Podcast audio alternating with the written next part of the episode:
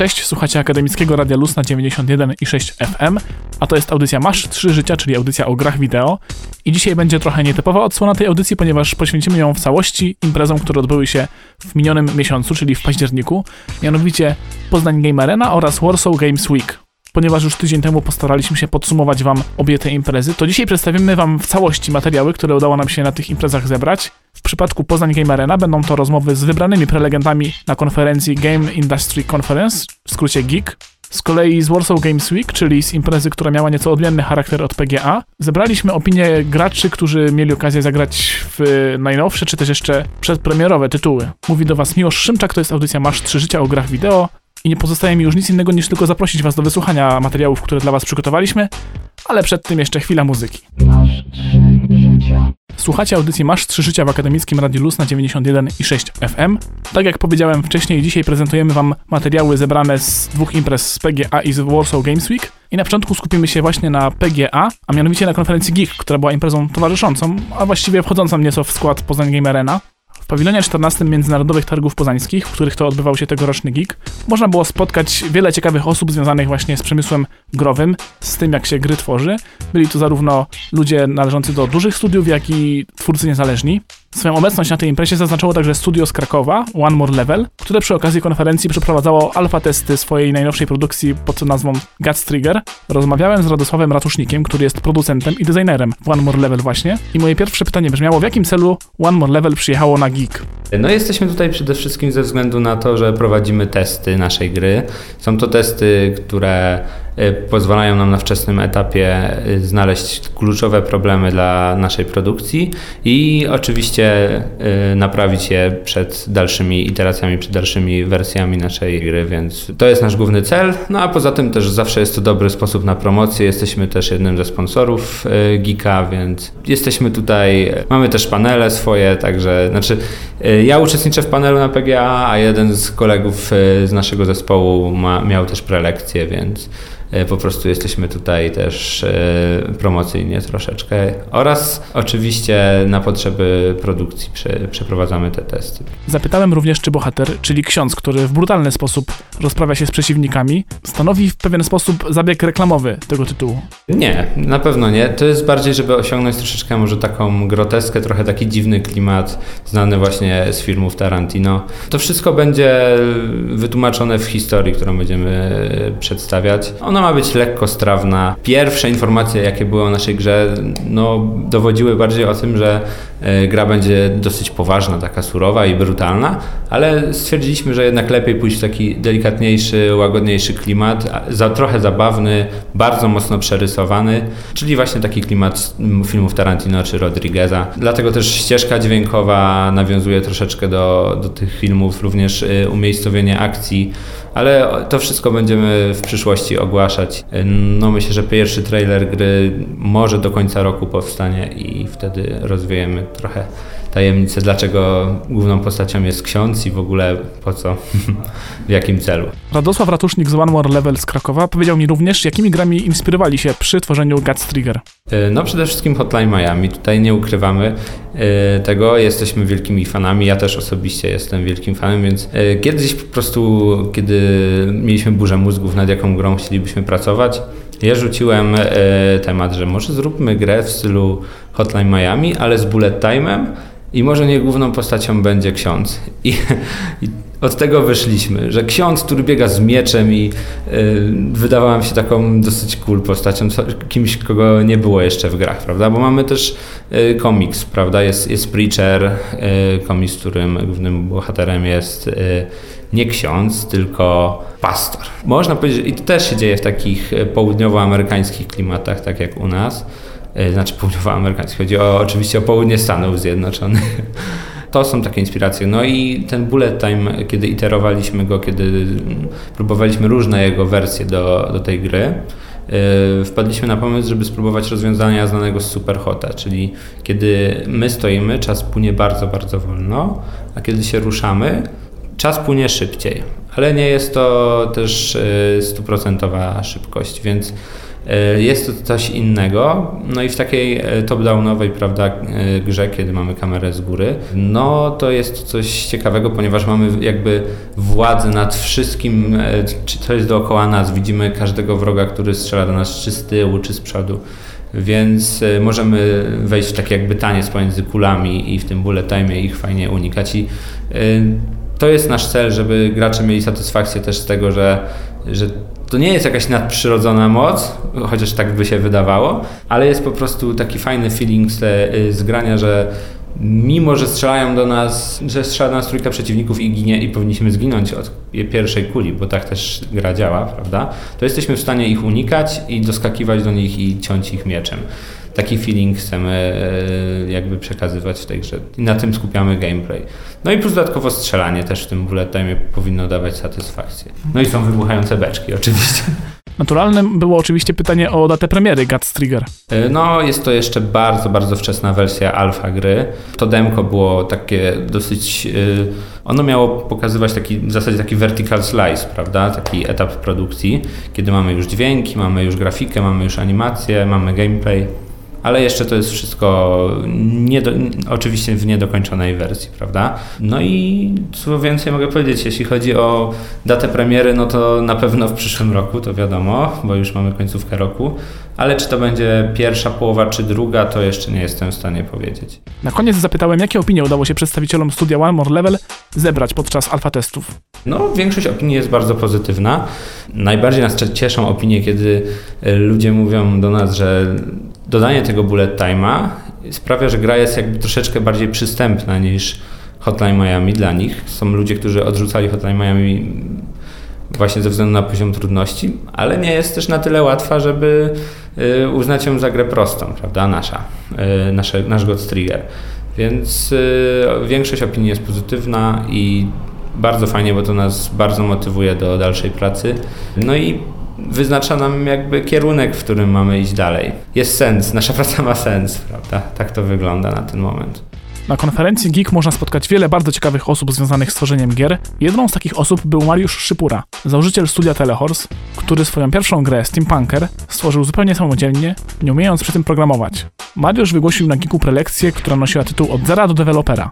Ponieważ przed stworzeniem gier Mariusz zajmował się głównie tworzeniem grafiki i muzyki, zapytałem Mariusza, czy da się w ogóle zauważyć różnicę w tworzeniu grafiki i muzyki ze szczególnym przeznaczeniem właśnie do gier komputerowych. Według mnie jakby to doświadczenie, które zebrałem przez całe życie robiąc właśnie design i muzykę, tak naprawdę, oczywiście są jakby pewne specyficzne rzeczy, które trzeba robić pod gry, ale to bardzo mi się przydało. To, że przez lata nauczyłem się Photoshopa i tak dalej, to jest absolutnie number one narzędzie i jakby to zawsze się przyda tak naprawdę wiadomo, trzeba poznać specyfikę jakby mm, medium, do, do, tego się robi, rozdzielczości, jak to mam zrobić, że tutaj są animacje, czy nie animacje, że muzyka musi być taka, nie inna, że trzeba ją przygotować na małe głośniczki, jeżeli się robi na iPada, ale to są takie dosyć techniczne sytuacje i wydaje mi się, że, że tak naprawdę zebranie warsztatu gdzie indziej absolutnie pomaga wcześniej.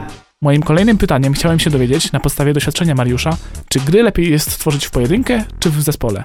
Na pewno warto zaczynać samemu Chociaż nie wiem, wiesz co, fajne jest to też, jakby ja lubię pracować też w zespole, czasami to jest fajne, kiedy można wymienić myśli i, i, i być kreatywnym i nagle okazuje się, że można dojść do, do fajniejszych rezultatów, jeżeli się pracuje wspólnie. Oczywiście, jeżeli to są osoby, którymi się zna i którym się ufa i które też są kreatywne, no bo jakby po prostu posiadanie bagażu w postaci osób, które jakby no, no, no nie, nie pomagają, to jest bez sensu, nie? No nie, nie jesteśmy dużą firmą. Albo robić samemu, jeżeli ma się ku temu predyspozycję, albo naprawdę wymieniać myśli z ludźmi, którym się ufa i to też doprowadzi do dobrego rozwiązania. No w każdym razie ważne jest jakby to, żeby wszyscy myśleli podobnie, w takim sensie, żeby mieli ten sam cel, ale naprawdę spotkanie paru osób czasami potrafi więcej kreatywności wrzucić niż, niż samemu. Czasami można wpaść naprawdę w pułapkę samotności. Ponieważ Mariusz Szypura nie uważa siebie za programistę i swoją pierwszą grę stworzył nie umiejąc praktycznie programować, zapytałem się go, czy jest na rynku wybór narzędzi, którzy właśnie programować nie potrafią, a chcieliby stworzyć swoją pierwszą grę.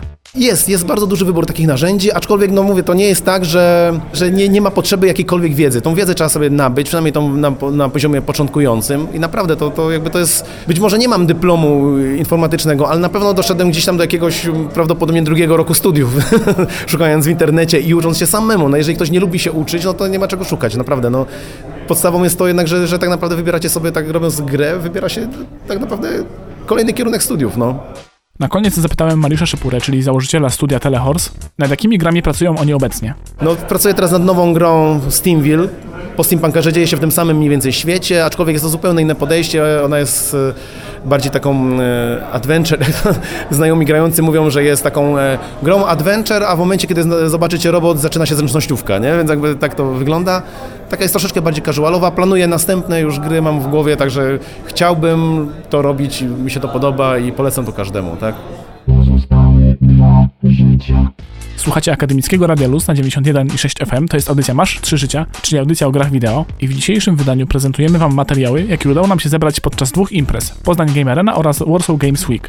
Na Game Industry Conference, czyli imprezie towarzyszącej Poznań Game Arena, można było spotkać zarówno twórców gier, jak i ludzi z tworzeniem gier związanymi pośrednio. Jedną z takich osób był Adrian Perdion, aktor i właściciel firmy VoiceOver.pl oraz Mockup.pl. Wygłosił on na Geeku prelekcję pod nazwą Indie Voiceover, która dotyczyła podkładania głosów w grach. Chociaż nazwisko Adriana może wam wiele nie mówić, to z pewnością słyszeliście kiedyś gdzieś jego głos. Pojawiał się on w takich tytułach jak Wiedźmin czy Battlefield, ale obecnie można go usłyszeć również w paczkomatach. Adriana, jako eksperta w tej dziedzinie, zapytałem, jak niezależny twórca może znaleźć głosy do swojej gry. Najlepiej udać się do banku głosu e, i złożyć tam zlecenie, nam zostawić teksty, które są i dostać wycenę i zlecić to pro, tę produkcję stu, do studia, wyłożyć potem przelew i mieć zrealizowane nagrania. Ale drugą metodą, którą polecam w przypadku indyków jest kupno dobrego mikrofonu e, do swojego własnego studia, przygotowanie tego studia w studio, w którym realizuje się grę i pracuje, i zatrudnienie aktorów, którzy są gdzieś w okolicy. Jest bardzo dużo grup na Facebooku, e, jest dużo banków głosu, które zupełnie działają jako raczej impresariaty niż e, agencje e, realizujące, produkcyjne, które łączą ludzi, którzy potrzebują głosu z ludźmi, którzy głos mają. Ci ludzie, którzy mają głos i pracują, żyją z nagrywania swojego głosu, mają często studia w domach. I dla młodych deweloperów niezależnych jest to doskonałe rozwiązanie, bo mogą się bezpośrednio kontaktować wtedy z ludźmi, którzy mają odpowiedniego skilla i głos pasujący do produkcji, a z drugiej strony nie mają tak restrykcyjnych kwestii, jeżeli chodzi o wyceny. Są tańsi, są bardziej elastyczni i w dużo łatwiejszy sposób jest się z nimi dogadać i zrealizować bezpośrednio po prostu dany projekt. Moim kolejnym pytaniem chciałem się dowiedzieć, jak ktoś zainteresowany voice actingiem może zacząć karierę jako aktor głosowy. Najlepiej niech zacznie nagrywać swój głos na początek w domu. Polecam kupić sobie mikrofon najtańszy, najprostszy, który ma zwrotkę na słuchawki. Są takie mikrofony, teraz e-audio to się chyba nazywa, 300 kosztuje taki mikrofon, a on ma, to jest mikrofon USB, który ma wbudowany port jack w siebie. Wpijasz tam słuchawki i masz od razu feedback na swoje uszy.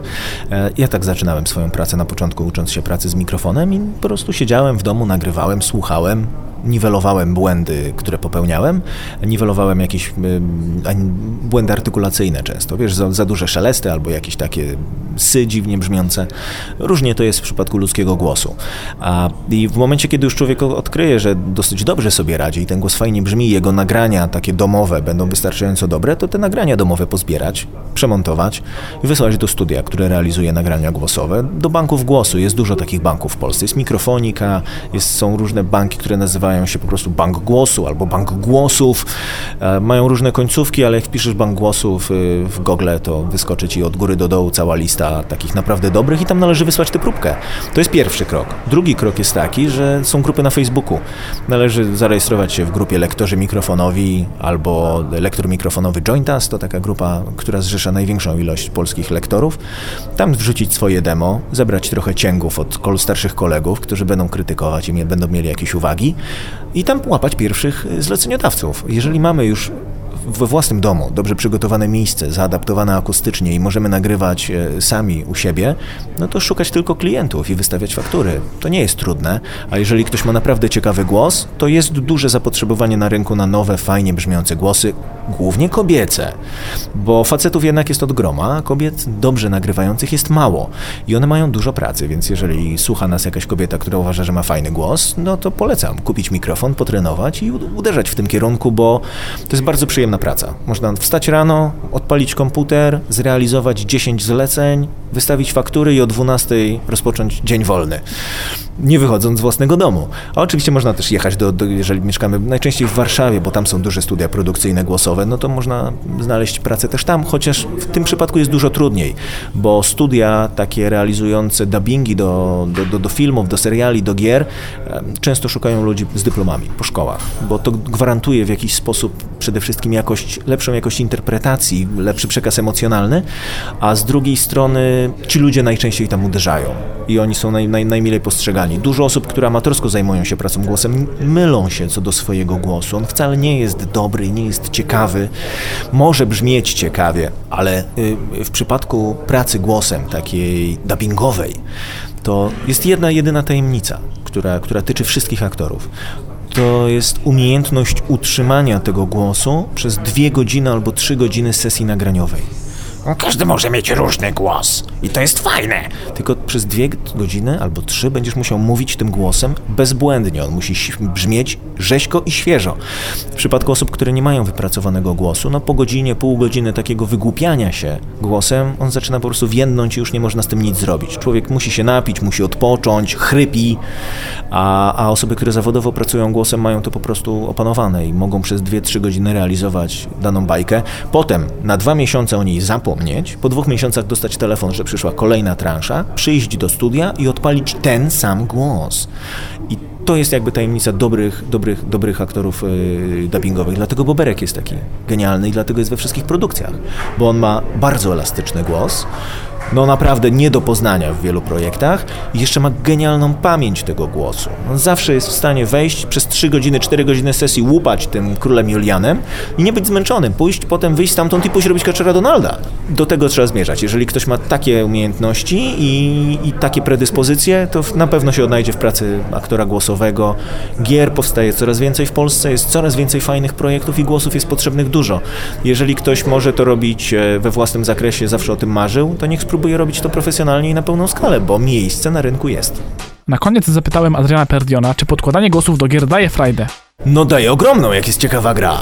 A jak jest gra nudna, to nie daje żadnej. Ale najczęściej są to bardzo fajne projekty, bardzo ciekawe, bo e, te gry wymagają aktorstwa. Nawet prosta rzecz taka jak e, głosy pilotów, którzy latają samolotami i strzelają do siebie, jest różnorodna. Tam masz jeden komunikat, gdzie jesteś wesoły, bo trafiłeś Niemca. Drugi masz komunikat, no nie wesoły, bo Niemiec trafił ciebie.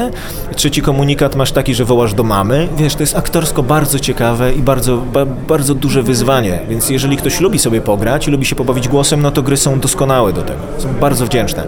A poza tym no jest jeszcze jedna rzecz, jeżeli robisz projekt, który potem daje frajdę bardzo wielu ludziom i obserwujesz sobie na przykład ile jest ściągnięć takiej gry, do której podłożyłeś głos na Google Playu, no to się robi człowiekowi fajnie i przyjemnie. Na Game Industry Conference, czyli imprezie towarzyszącej Poznań Game Arena, pojawił się również Michał Marcinkowski, założyciel studia Transhuman Design i twórca takich gier jak Soldat czy King Arthur's Gold. Na konferencji wygłosił on prelekcję pod nazwą King Arthur's Gold Postmortem. Zapytałem Michała m.in. o to, ile miał lat, kiedy stworzył grę Soldat. Jak stworzyłem Soldata, to byłem jeszcze w liceum, to była ostatnia klasa liceum, miałem wtedy 17 lat i zamiast się uczyć do matury, to właśnie dorobiłem Soldata i opłaciło mi się. Zapytałem również, czy był świadomy popularności tej gry. Nie, nie, nie miałem tego świadomości na początku, bo to były jeszcze czasy, kiedy internet nie był aż tak popularny, więc zajęło rok, dwa, zanim rzeczywiście doświadczyłem tego, jak bardzo jest popularna gra i wtedy rzeczywiście nawet, nawet zdarzało się, że ludzie mnie na ulicy rozpoznawali. Więc wiedziałem, że coś, coś się dzieje. I do dziś, i dziś też naprawdę dociera to do mnie, bo ludzie podchodzą i do dziś pamiętają o tej grze i wiedzą, kim ja jestem. W moim kolejnym pytaniu zapytałem Michała Marcinkowskiego, czy da się wyżyć z tworzenia gier. da się, jestem tego przykładem i bardzo zawsze namawiam ludzi do tego, by to robili, bo się da. I da się nawet, e, tak jak ja to zrobiłem 12 lat temu, gdzie, gdzie było mało środków, nie było żadnych Kickstarterów, e, ciężko było sprzedawać, nie było takiej fali indie gier, e, nie było Steama, a jednak dało się z tego wyżyć. Jakby nie było to jakby super życie, bogate, ale, ale się dało. Tworzy, pracowałem nad swoją pasją i, i żyłem z tego i do dziś to robię i się da, więc ja gorąco namawiam zawsze do tego, by to robić. Dlatego jeżdżę też po Polsce z wykładami i staram się inspirować ludzi, do, żeby się zajmować tym, bo jest, bo jest fajnie. Zapytałem również, jakie są korzyści stworzenia społeczności wokół swojej gry. Społeczność naturalnie się tworzy przy takiej grze, bo to jest gra multiplayerowa, gdzie ludzie grają ze sobą, naturalnie oni się zaprzyjaźniają, chcą się ze sobą kontaktować, więc tworzy się społeczność. Ja zawsze starałem się dawać żyzną glebę pod to, pod tworzenie się społeczności, więc e, zakładałem forum, e, blog, kontakt, zawsze rozmawiałem ze społecznością, utrzymywałem z nimi kontakt. e, Dawałem im to, czego trzeba. Jeżeli im się gra podoba, to oni chcą naturalnie uczestniczyć w tej grze. Oni żyją tą grą, chcą, chcą pomagać i, i, i mi się to bardzo podoba i, i pomagam też e, tworzyć się tej społeczności. Na koniec zapytałem, czy warto w ogóle poświęcać swój czas na głoszenie prelekcji o tworzeniu gier komputerowych i jakie korzyści wyciąga z tego Michał. Czy materialnych korzyści nie mam z tego żadnych, natomiast daje mi to po prostu fan. Jest to dla mnie zabawa, jest to dla mnie radość. Tak samo jak przy tworzeniu gier, nawet tworzenie prezentacji to jest coś fajnego, żeby się podzielić e, jakąś wiedzą. I mnie inspiruje osobiście to, że kogoś zainspiruje. Jeżeli ktoś po wykładzie po- podejdzie do mnie i powie, że mu się podobało i że mu to pomogło, a jeszcze lepiej, jeżeli za rok, dwa podejdzie i powie, że pamięta to, co powiedziałem, to, to wielką radość mi to sprawia. Słuchacie Akademickiego Radia Luz na 91 i 6 FM, to jest audycja Masz 3 Życia, czyli audycja o grach wideo. I dzisiaj jest ona w całości poświęcona materiałom, które udało nam się zebrać na imprezach Poznań Game Arena oraz Warsaw Games Week. Przed chwilą słyszeliście rozmowy z uczestnikami konferencji Game Industry Conference, w skrócie GIG, czyli imprezie towarzyszącej Poznań Game Arena, a teraz chciałbym wam zaprezentować rozmowy z graczami, którzy mieli okazję zagrać w nowo wydane lub jeszcze nie wydane produkcje podczas Warsaw Games Week. Jedną z takich gier była Guitar Hero Live, która miała swoją premierę w pierwszy dzień targów. W co grałeś przed chwilą? Teraz grałem Judas Priest, Breaking the Law, E, konkretnie, jaka gra? Guitar Hero Live. Czy grałeś jakąś z wcześniejszych części?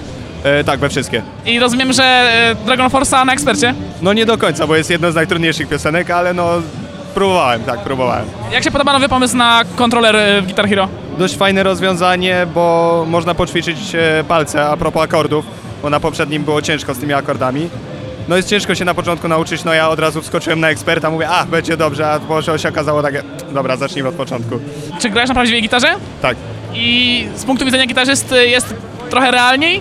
jest troszkę realnie, ale no jest trudniej, wiadomo, no bo trzeba czepić się w rytm, tak? Nie można sobie zwolnić, przyspieszyć, no trzeba, trzeba idealnie w to, jak pokazuje gra. Innym tytułem, który ukazał się na Warsaw Games Week przedpremierowo, była gra Total War Warhammer. Zapytałem jedną z osób, która miała okazję w ten tytuł zagrać, jakie są jej wrażenia. I w co grałeś przed chwilą? E, w Total War Warhammer. Czemu zagrałeś, bo nie było kolejki, czy się zainteresowała ta gra? Znaczy nie, grałem w poprzednie wersje serii, w Total War Rom, Rom 2, w Shoguna 2. No darzę tą serię sympatią, a tym bardziej jest to powiew świeżości w tej serii. Po raz pierwszy mamy coś niehistorycznego, bardziej zróżnicowane dzięki temu chyba jednostki moim zdaniem. Nowe też mapy, nowe możliwości, także chciałem zobaczyć, zagrać, bo będę chciał też kupić prawdopodobnie. Chciałem się upewnić, czy warto. A jak myślisz, czy na przykład fani właśnie Total War'a chwycą za ten tytuł, bo to jest właśnie, jak powiedziałeś, zupełnie coś innego, niehistoryczne realia? Myślę, że tak, że jest oddany duch serii tego Total War'a, jest oddane także coś nowego dodane, także starzy fani ze względu na to, że to nadal jest Total War, a nowi, nowa tematyka, coś innego.